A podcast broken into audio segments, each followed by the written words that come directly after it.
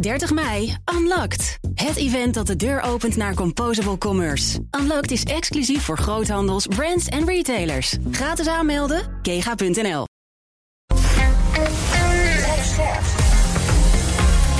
BNR Nieuwsradio.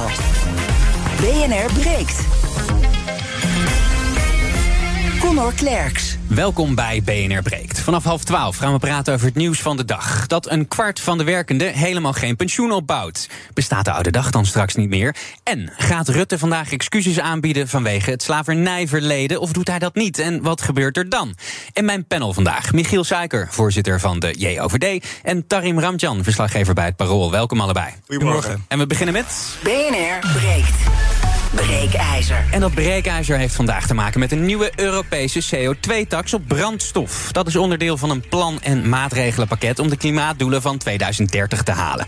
Eerder werden bedrijven al belast voor het uitstoten van broeikasgassen. Maar nu moeten dus ook wij, de inwoners van de EU, hieraan gaan geloven. Het plan moet in 2027 in werking trekken. En uh, benzine zal zo'n 10 cent per liter duurder worden. Terwijl diesel zelfs 12 cent per liter duurder gaat worden. Volgens het Potsdam Institute for Climate Change. En dat is toch al gauw een flinke greep in de portemonnee als je met regelmaat, het enige regelmaat de weg op moet. Daarom ons breekijzer. Door de nieuwe CO2-tax wordt autorijden voor mij onbetaalbaar. Bel 020 468 4 als je mee wilt praten. Wil je niet bellen, maar wel stemmen? Doe het dan via de stories van het BNR Nieuwsradio op Instagram. Aan het einde van dit half uur krijg je een tussenstand van me. En ja, ik zie het heel graag. We hebben een bomvolle studio. Bij ons ook Joris Thijssen, Kamerlid namens de PvdA met klimaat en energie in de portefeuille. Hoi, goedemiddag. Welkom, fijn dat u er bent. En Mark Beekhuis, onze eigen energie- en klimaatexpert. Welkom. Goedemorgen. Uh, Joris, zullen we bij jou beginnen? Jouw mening over ons breekijzer vandaag? Nou ja, kijk, iedereen is er ondertussen wel achter dat we klimaatverandering moeten stoppen. Dat we echt moeten verduurzamen. Dat vervuiling ook een prijs moet krijgen. Maar ja, als dan in één keer zo de prijzen omhoog gaan, dan is dat zeker voor lage en middeninkomens echt wel een probleem. Dus dit gaat alleen werken als tegelijkertijd er beleid komt om te zorgen dat of mensen meer geld in hun hand hebben. En dan kunnen ze kiezen: ga ik dat nog uitgeven aan dure benzine of ga ik vaker met het OV? Of dat je zorgt dat er veel meer elektrische auto's zijn in Nederland. Zodat mensen gewoon kunnen zeggen: hé, hey, ik koop vanaf nu een elektrische auto en ik vermijd de benzinepomp. Ja, over de oplossingen, daar praat ik graag over door later. Maar we gaan nog heel eventjes checken. Uh, Michiel, jouw reactie op het breekijzer? Nou, inderdaad, ik kan me voorstellen dat over vijf jaar, want dan gaat de regel natuurlijk pas uh, in, kan het duur worden voor de mensen op het moment dat je uh, meer moet gaan betalen. Alleen het mooie, denk ik wel, is wat je nu ook ziet met de energieprijzen, is dat die zijn op dit moment hoger. Je ziet dat de temperatuur en de thermostaat bij iedereen wat omlaag gaat. Dus het heeft invloed. En uiteindelijk vanuit het principe dat de vervuiler moet betalen voor de eigen milieuschade die hij aanricht, denk ik dat uh, het duurder kan worden, maar op lange termijn beter is voor het klimaat. Daarin? Ja, de klimaatdoelen moeten we toch wel halen. En de beste prikkel is financieel. Wanneer mensen het in een portemonnee merken, wat Michiel zegt. Um, ik denk dat onbetaalbaar dat dat wel meevalt. Het is een, nogal een schok. Uh, maar van wat ik heb gelezen wil de EU ook mensen tegemoetkomen die willen investeren in elektrische auto's bijvoorbeeld. Dus er moet wel wat uh, te doen zijn. Laten we eens even hebben over het uh, maatregelenpakket. Mark Beekhuis, je bent er ook uh, fijn. Het lijkt nu misschien alsof burgers in de EU alleen belast worden voor de uitstoot van hun auto's. Als je luistert naar mijn intro. Mm -hmm. Maar er is eigenlijk nog veel meer, hè, Mark? Oh ja, zeker. De gebouwde omgeving. Dus alle woonhuizen en de kantoren die gebruiken natuurlijk ook energie. Daar wordt ook van alles uitgestoten. En die krijgen ook hiermee te maken. Dus dat is iets wat er ook nog bij komt. Niet alleen de auto, je zou kunnen zeggen nog meer. En we hebben meteen, ik had het wel een klein beetje verwacht met dit onderwerp, maar een hoop bellers. En de eerste die we horen is Paul. Paul, goedemorgen. Goedemorgen. Ja, ik wou toch even reageren. En met name niet zozeer of ik me nou lam zal betalen aan het vervoer. Dat is nog een eigen keuze. Mm -hmm. Maar eh, er zijn wel een paar dingen over te zeggen. Op de eerste plaats dat die tax op de diesel duurder zou worden als op de benzine. Terwijl aantoonbaar is dat moderne dieselauto's minder CO2 uitstoten dan benzineauto's. En uh, dat is al vaker gepubliceerd. En het is heel merkwaardig dat men dan elke keer weer zegt: ja, die diesel moet veel duurder worden. Nou was het wel zo dat aanvankelijk gemoderne diesels meer, uh, gemoderniseerde diesels meer stikstof uitstoten. Maar dat is bij modernere diesels ook beter ondervangen.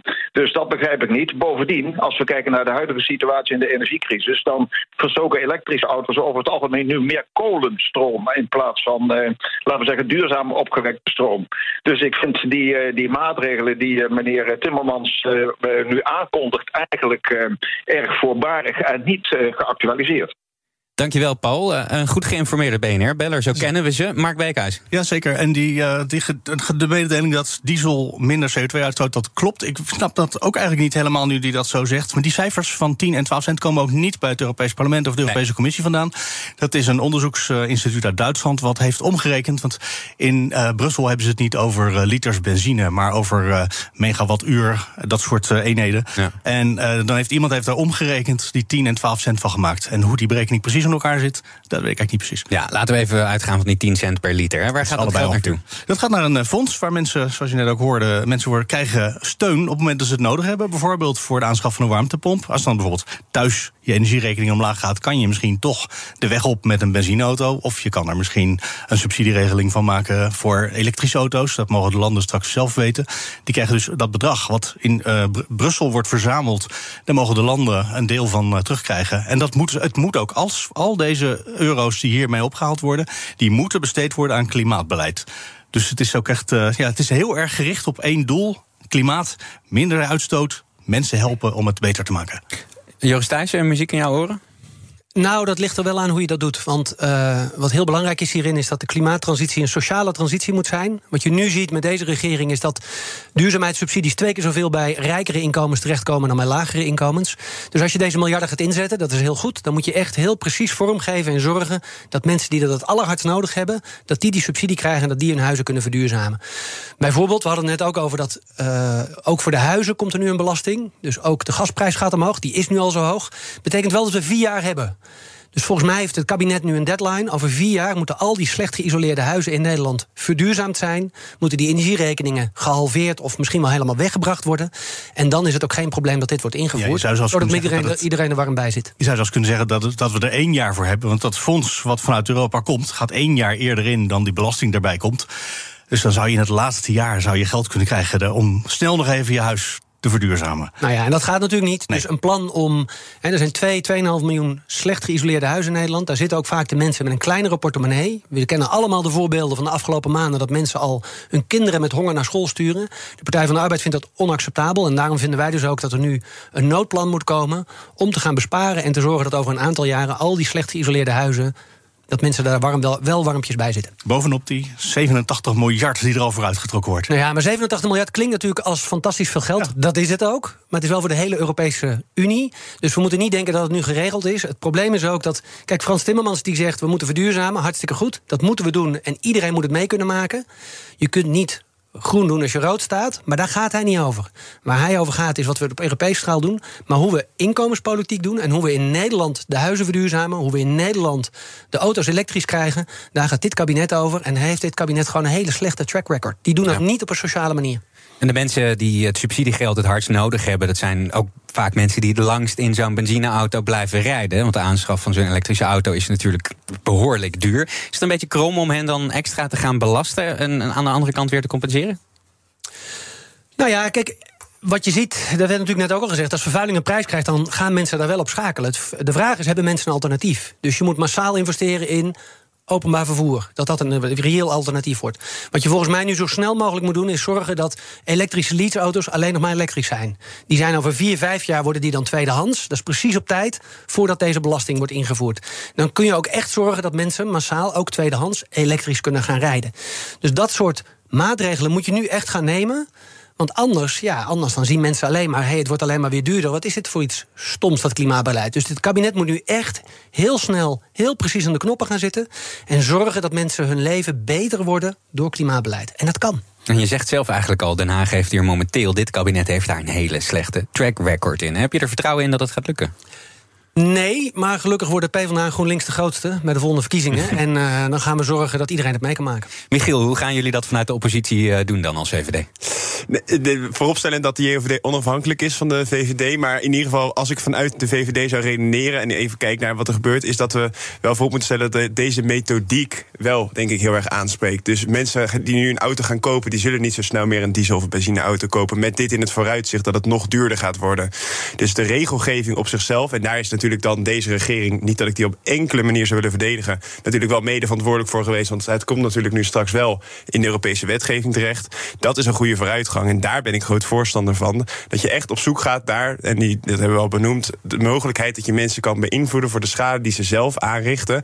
Zoals we dat ook wel als uh, economen altijd noemen, negatieve externaliteiten belasten. Gaan we nog even naar de bellers kijken. Aan de lijn, meneer Huigens. Goedemorgen. Ja, goedemorgen. Fijn dat u belt. Wat is uw mening over ons breekijzer? Ja, ik ben het er wel over eens dat, uh, dat dat betaald moet worden. En dat degene die de vervuiling veroorzaakt ook daaraan betaalt. Ja. Dus dat is helaas. Dus, en als je het niet doet, dan zijn we zo, uh, als het, uh, als het geen extra geld kost, dan blijven we gewoon rijden zoals we altijd deden. Dus dan komt het milieu komt het ook niet te goede. En dan het laatste, die extra tax van 10 cent geloof ik ongeveer, hè, moet wel te goede komen aan een alternatief vervoer. En daar blijft ook te veel achter. Dus er moet goed openbaar vervoer zijn. Als je vindt dat het uh, particulier autoverkeer moet minderen, dat moet dan wel gebeuren. En dat gebeurt te weinig. Dankjewel, meneer Huigens. Gaan we naar Jan. Goedemorgen. Goedemorgen, Connor. Nou, ik ben het eens met de stelling en ik sluit me ook een beetje aan bij meneer Huygens eigenlijk. Um, in principe wordt het uh, steeds duurder uh, voor iedereen om auto te rijden. Maar het is leuk dat uh, er vanuit Europa nou weer geld wordt opgehaald bij de melkkoetjes, de, de automobilisten. Alleen ja, beleid op dat front om te zorgen dat er goede alternatieven komen voor openbaar vervoer, voor, of, of voor meer thuiswerk propageren. Dat gebeurt ook veel te weinig aan. Iedereen is na de coronacrisis weer massaal naar kantoor gegaan. Iedereen gaat weer vliegen, dat kun je ook duurder maken. Treinreizen binnen Europa zijn nog steeds niet betaalbaar. En er zijn hele delen van Nederland, buiten de Randstad, waar eigenlijk helemaal nauwelijks bussen meer rijden. Uh, ga dat dan oplossen, dan kun je ook voor je automobilisten uh, ja, wat mindere zeg maar, in kilometers. Dankjewel Jan. Ja, Joris Thijssen, uh, daar wordt wel een interessant punt aangesneden door Jan. Het openbaar vervoer, je zei het zelf ook al, dat moet goed zijn. Hè, maar dat is in Nederland op een heleboel punten is de bereikbaarheid heel laag. Denk aan het oosten van het land, denk aan Zeeland. Het is niet helemaal uw portefeuille. Nou ja, hoort bij klimaatverandering. Hoort wel bij klimaatverandering. en het nee, aanpakken van klimaatverandering is mijn portefeuille. Nee, top. Maar daar, moet ook, uh, daar, daar is ook werk aan de winkel, hè? Ja, dat klopt. Er moet echt groot worden geïnvesteerd in openbaar vervoer. En vooral ook moet het openbaar vervoer gewoon wat goedkoper gemaakt worden. En dan zul je zien dat mensen inderdaad uh, verleid worden om te zeggen: hé, hey, ik stap die trein in. Kan ik onderweg ook nog wat anders doen dan uh, alleen maar sturen. En dat is eigenlijk een prima, prima manier om van A naar B te gaan.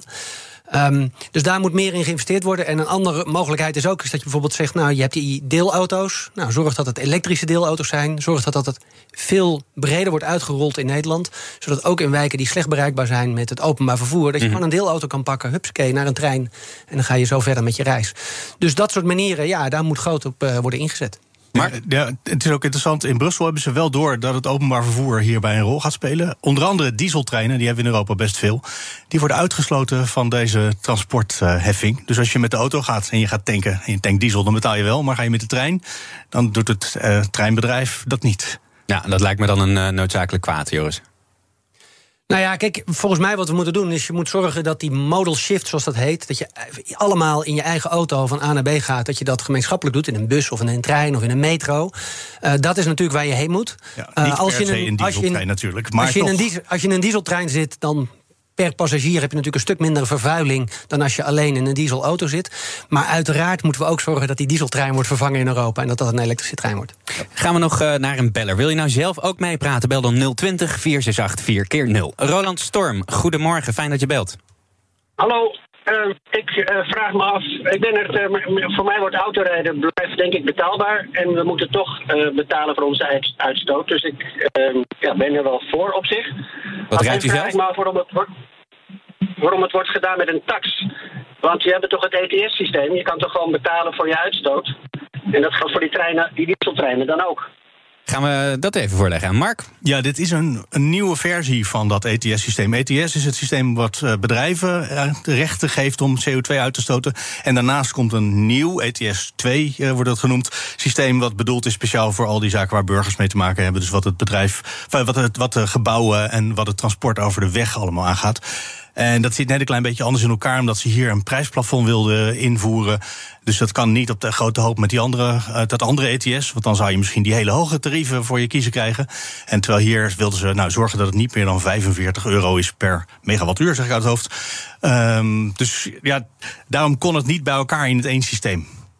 Oké, Lilian Marijnissen, fractievoorzitter van de SP, uh, was gisteren bij WNL op zondag, reageerde op het plan. Geen fan. Totaal wereldvreemd natuurlijk in deze tijden waarin het tanken voor mensen al gewoon bijna niet te betalen is. Dat dat dan nog duurder zou worden. Dat kunnen heel veel mensen helemaal niet betalen. Uh, maar het, is ook, het deugt ook niet omdat het nu al zo is dat de laagste inkomens het meeste bijdragen en het minste profiteren. Maar dat hele systeem waarbij je dus ook een verhandelbaar CO2-budget krijgt. Ja, dat werkt in de hand dat de rijke bedrijven, want zoals eerst voor bedrijven en het gaat nu dan ook voor mensen gelden, dat mensen met veel geld, ja, die kunnen gewoon lekker doorgaan met vervuilen. En mensen met weinig geld, ja, die hebben dan pech. Joris, eens? Nou ja, ik ben het er helemaal mee eens dat als je nu, nou ja, wat ik net al zeg, er zijn nu mensen met lagere of middeninkomens die hun kinderen met honger naar school sturen. Ja. Die moeten kiezen: ga ik vandaag stoken of ga ik vandaag koken? En dan kiezen ze voor koken en zitten ze de hele winter in de kou. Dat is nu de realiteit van de dag. Dus als je nu denkt vanuit Europa of Den Haag of waar dan ook van hopsakee, we maken het nog duurder, dan ben je inderdaad wereldvreemd. Dus daarom is het super belangrijk dat het dat dit kabinet komt met een noodplan isoleren. Dat ze al die 2,5 miljoen huizen afgaan de komende vier jaar en zeggen: die gaan we nu gewoon een goed label geven, zodat die energierekening naar beneden gaat, zodat mensen er warm bij zitten. Hetzelfde geldt voor rijden. Of je moet zorgen dat lage middeninkomens gewoon meer geld in hun handen hebben en kunnen kiezen: dat geef ik uit aan duurdere benzine.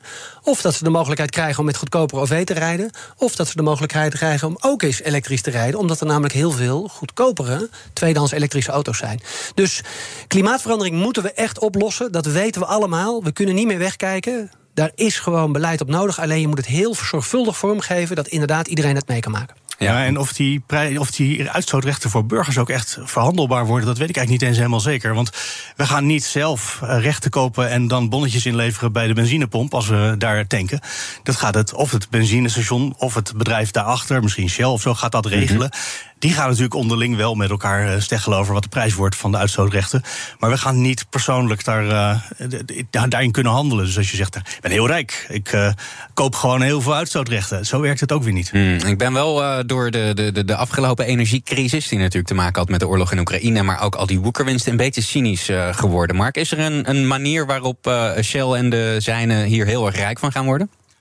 Oh, ongetwijfeld. Er zal gespeculeerd gaan worden, vast. Dat is met de oude recht ook gebeurd. Uh, tegelijkertijd, uh, er is net in uh, Rotterdam van Shell een tankstation. Hebben ze alle benzines pompen hebben ze weggehaald en vervangen door alleen maar elektrisch opladen. Dus je merkt ook dat bij dat soort bedrijven, en dit is vast een klein beetje greenwashing, maar toch, je ziet wel dat ook daar bedrijven in beweging komen. BNR breekt. Connor Klerks.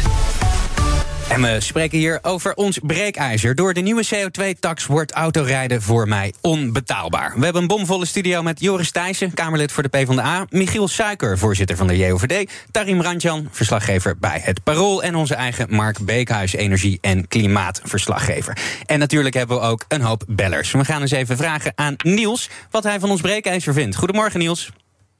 Uh, goedemorgen. Je spreekt inderdaad met Niels. Hallo, ik zit dat dus allemaal te beluisteren. Maar uh, ja, wat ik, hoe ik erover denk, natuurlijk wordt het onbetaalbaar voor iedereen. En, en, en, en ja, één ding bepaalt gewoon de temperatuur op aarde. En dat is natuurlijk wat hoog in de lucht hangt. Dat is kernfusie. Dat gaat met cycli. En dat is gewoon de zon. Dat is zo onge, onge, ongelooflijk veel energie. En die is alles bepalen. En met andere woorden, er zit gewoon hier een andere agenda achter. En dat is industrie.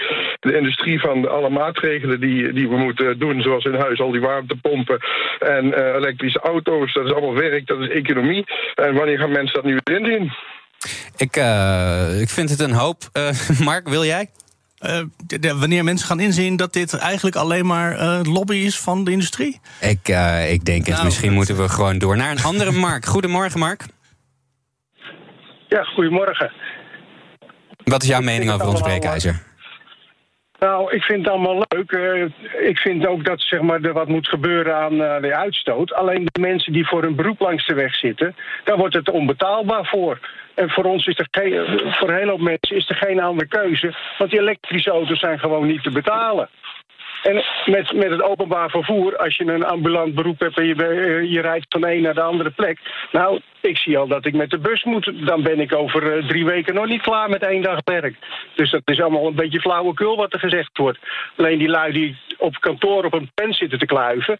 Ja, die hoeven niet allemaal met de auto. Die kunnen lekker met de trein en met de bus. Dankjewel, Mark. Ik uh, vind het best een sterk punt. Joris, die mensen die een ambulant beroep hebben, wat moeten zij doen? Nou ja, dit is een supersterk punt. En dit is dus ook niet wat we moeten zeggen, nou ja, zoek het maar uit. Dit is waar we een rijksoverheid voor hebben. Die moet besturen, die moet regeren en die moet zeggen: oké, we moeten die CO2-vervuiling naar beneden brengen. Dat betekent dat CO2 een prijs moet krijgen. Daar is de Partij van de Arbeid voorstander voor, mits maar dan ook echt heel precies kijken... wat betekent dit voor ambulante beroepen? Wat betekent dit voor lage en middeninkomens? Is er additioneel beleid nodig om te zorgen dat die mensen dit mee kunnen maken? Nou, en we zien dat deze regering bijvoorbeeld die subsidies voor duurzaamheid... kan met twee keer zoveel terecht bij hogere inkomens dan bij lagere inkomens. Dus dat beleid zal veel preciezer vorm moeten, geven, vorm moeten krijgen. Want anders krijg je inderdaad dat heel veel mensen... nog meer in de energiearmoede uh, raken. En dat moeten we echt zien te voorkomen. Ja, een oplossing is natuurlijk uh, elektrisch rijden. Hè? Er is momenteel nauwelijks een markt voor tweedehands elektrische auto's. Denk je dat dat de komende vier, vijf jaar voldoende gaat veranderen? Nou, ook dat zal niet vanzelf gaan. Dus één hele belangrijke mogelijkheid die je kan doen is dat je zegt: heel veel nieuwe auto's worden gekocht door leasemaatschappijen die dat dan verliezen aan bedrijven. Uh, als je daarvan nu zegt, nou vanaf nu alleen nog maar elektrisch, dan zul je zien dat over vier, vijf jaar, als deze maatregel van kracht wordt, dan komen die auto's op de markt. Nou, wellicht is er dan nog wat subsidie nodig om te zorgen dat die elektrische tweedehands auto's betaalbaar zijn voor nou, ook mensen met een heel normaal inkomen. Zonder dat ze bij een bedrijf zitten. En dan zul je zien dat mensen dus de keuze hebben. Als ze wat meer rijden, dan zeggen ze: Ik neem een elektrische auto. Want de komende acht jaar dat ik die auto nog rijd. met hogere benzinekosten, maar lagere elektriciteitskosten. is het eigenlijk goedkoper om elektrisch te rijden. Uh, misschien moet je ze helpen om dat te kunnen financieren. Nou, dat is waar we een regering voor nodig hebben die zegt: Wij gaan dit klimaatprobleem oplossen. En wij gaan zorgen dat ook de lage en de middeninkomens het mee kunnen maken. Mark? Ja, ik, ik hoor steeds bij Joris Thijssen... Uh, wij zijn hiervoor, maar wel op bepaalde voorwaarden. Maar in het Europese parlement is inmiddels... gewoon alle fracties uh, is het erover eens... dit is gewoon het plan wat we moeten gaan doen. Behalve één extreemrechtse fractie trouwens. Maar alle andere partijen, van groen tot nou ja, alle kleuren... Um, die voorwaarden worden daar niet meer gesteld. Ze hebben gewoon gezegd, nou, we hadden zoveel onderhandelingsruimte als er was. Ook nog ingekaderd door uh, de, de concurrentie vanuit Amerika... met die, uh, die, die inflatiewet die ze daar hebben. Uh, dus wij moeten gewoon allerlei regels moeten we hier nu even doen. En dit is het. Ehm, maar die voorwaarden, die, zijn, ja, die kans is dus al geweest een beetje, nou, dat is niet waar. Want kijk, Europa gaat niet over hoe snel wij in Nederland de slecht geïsoleerde woningen gaan isoleren. Daar heb je nationaal beleid voor nodig. Mm -hmm. Europa gaat er niet over of wij onze bedrijven verplichten om vanaf nu alleen nog maar elektrisch te leasen. Om die tweedehands elektrische automarkt op te bouwen. Daar gaat de nationale overheid over.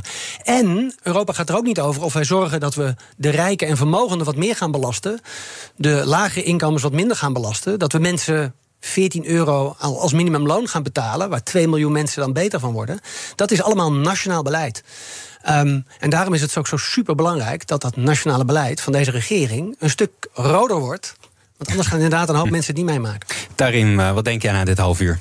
Nou, uh, het punt is al een paar keer gemaakt, maar openbaar vervoer vind ik wel echt een dingetje. Je moet mensen wel een alternatief kunnen bieden. En we hebben het gehad over het oosten van het land en het zuiden van het land. Maar uh, dit voorjaar was er veel om te doen dat nachtvervoer in Amsterdam uh, verschraalde. En dan kun je denken dat is vervelend voor iedereen die om vier uur s'nachts dronken van het Leidseplein afkomt. Maar het gaat ook om de mensen die in de schoonmaak werken, in de beveiliging op Schiphol, uh, in, in de horeca, laag betaalde banen, uh, die vaak geen alternatief hebben dan die auto pakken midden in de nacht. En die gaan inderdaad niet voor een elektrische auto kiezen. Dus dat geld moet wel terechtkomen bij de juiste mensen. De steun moet wel hun vinden.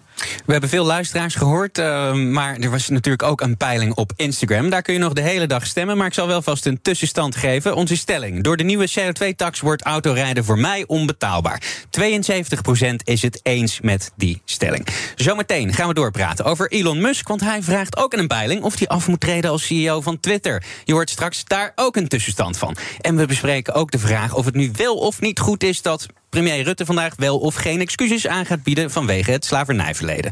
Dat allemaal zo bij BNR Breekt. 30 mei, Unlocked. Het event dat de deur opent naar Composable Commerce. Unlocked is exclusief voor groothandels, brands en retailers. Gratis aanmelden, kega.nl. Dus u wilt meer vrijheid. En u wilt meer ruimte. Dan is het nu tijd om dat waar te maken. Gelderse Woningbouw geeft ruimte. Gelderse Woningbouw bouwt woningen van hout. Meer weten? Ga naar geldersewoningbouw.nl. BNR Nieuwsradio. BNR breekt.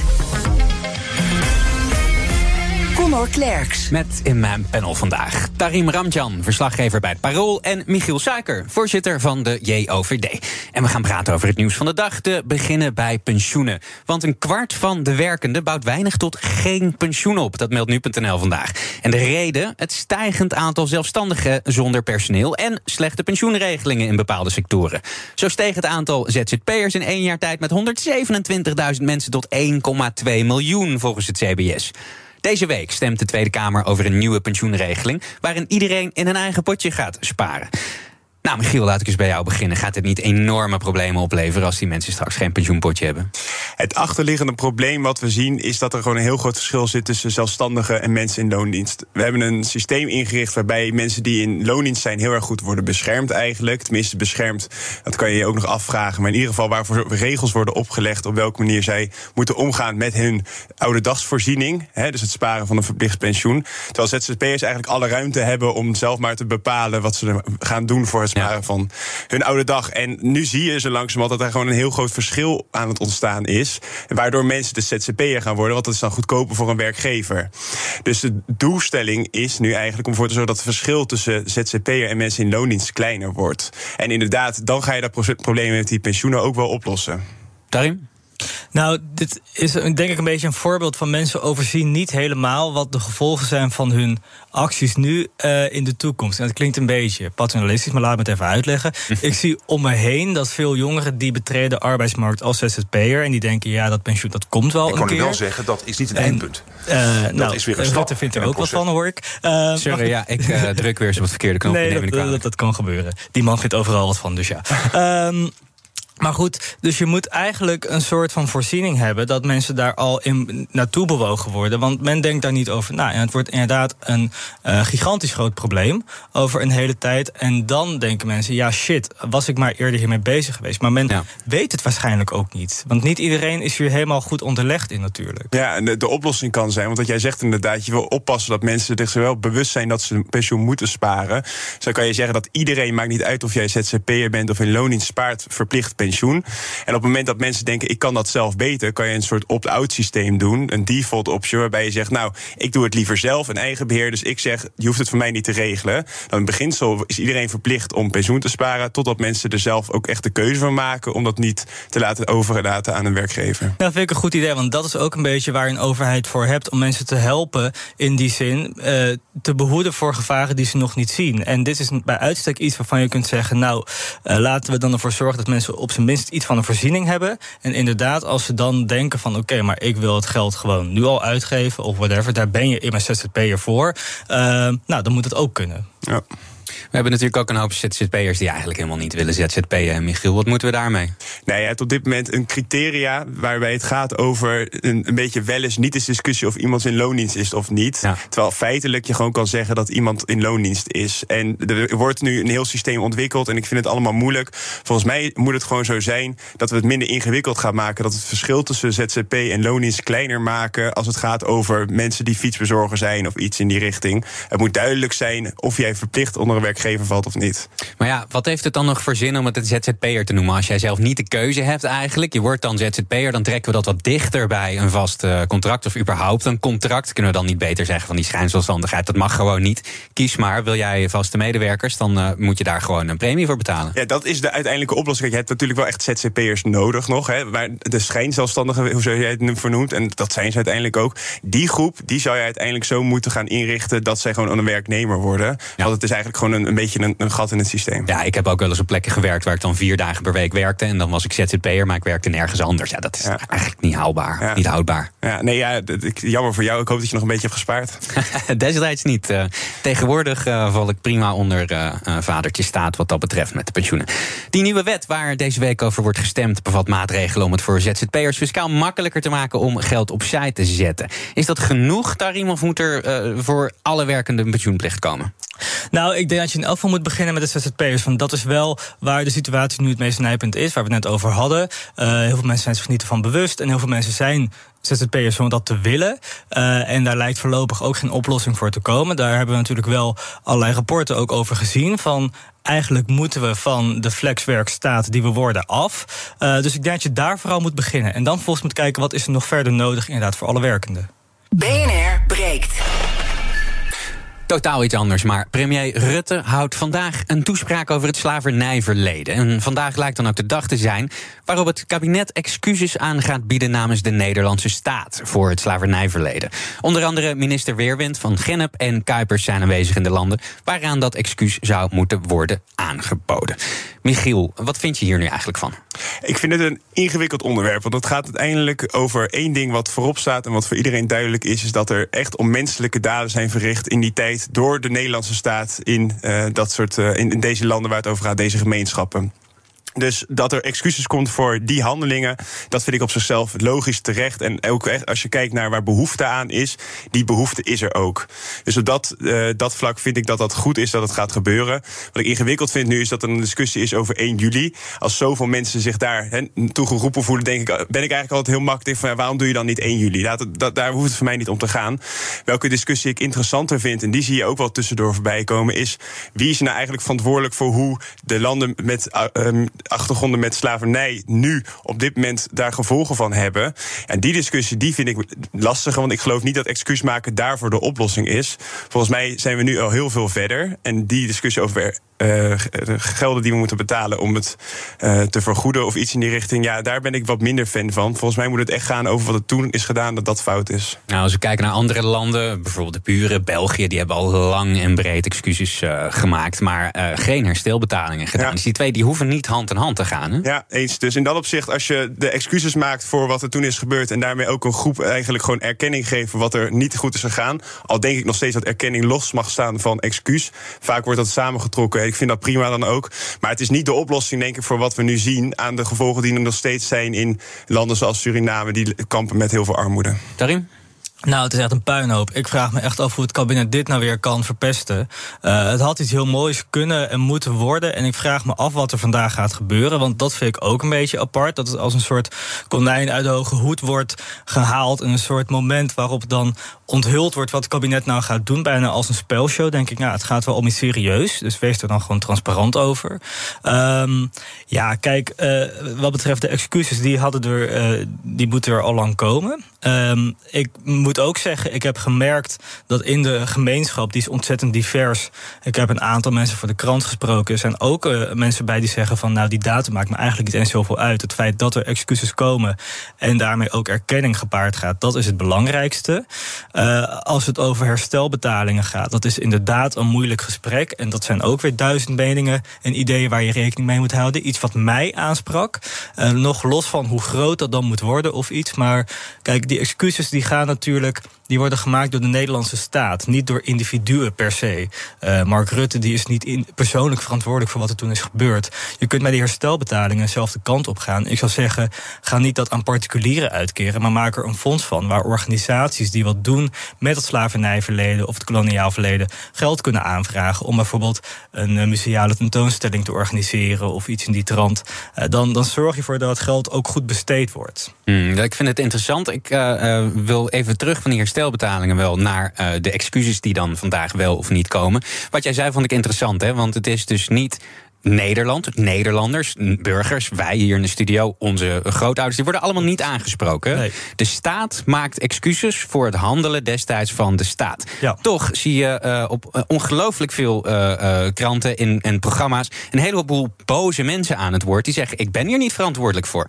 Hoe hebben ze dit nou weer qua communicatie zo ver uit de hand laten lopen. Want het is toch heel eenvoudig om te zeggen: luister, de staat, Nederland, heeft destijds iets gedaan. Wij zijn de staat, dus niet het land, maar het landsbestuur. Waarom hebben ze dat niet gewoon duidelijk gemaakt? Nou ja, dit, dit kun je deels aan de overheid wijten, moet je ook doen. Maar het heeft deels sowieso te maken met het gespreksonderwerp racisme of Zwarte Piet bijvoorbeeld. Hm. Kijk, wat denk ik heel vaak fout gaat, is dat uh, als we het over Zwarte Piet hebben, om maar nog even zo'n onderwerp aan te snijden. Het gaat er niet om dat de mensen die dat vieren, dat die uh, de intentie hebben om een racist te zijn of überhaupt racist te zijn. Het gaat om het fenomeen wat men racistisch vindt. Mm -hmm. uh, maar je moet die twee dingen wel kunnen scheiden. Net zoals dat die excuses niet worden gemaakt gemaakt voor het handelen van de staat. Niet voor het handelen van uh, je witte buurman of buurvrouw. Um, en, en dat is inderdaad heel duidelijk uit te leggen. En ik, ik zou hopen dat Rutte vanmiddag om drie uur uh, dat ook zo helder weet uh, te verwoorden. Wat verwacht jij, Michiel? Nou, mijn verwachting is waarom het zo rommelig verloopt, is dat het de gedachte was. Volgens mij een aantal jaar geleden heeft Rutte ook excuses gemaakt. Ik weet niet of dat voor Indonesië was, maar in ieder geval voor een ander schandaal dat de Nederlandse staat had verricht. En dat is toen super positief uitgepakt. Hij heeft toen excuus gemaakt. Dat was onverwachts. En uiteindelijk was daar eigenlijk heel veel lofzang voor. En ik heb het idee dat ze dat ook hebben willen doen met het slavernijverleden. En dat ze dat wilden gaan uitleggen als in hier hebben wij ook iets fout gaan, excuus. En een soort verbazing effect creëren van joh, wat fijn dat jullie dit doen. Maar daar hebben ze een ongelooflijk potje van gemaakt. Dat is het ook. Die erkenning is er ook binnen de Tweede Kamer. Dus daar, volgens mij is daar de discussie ook al niet meer over.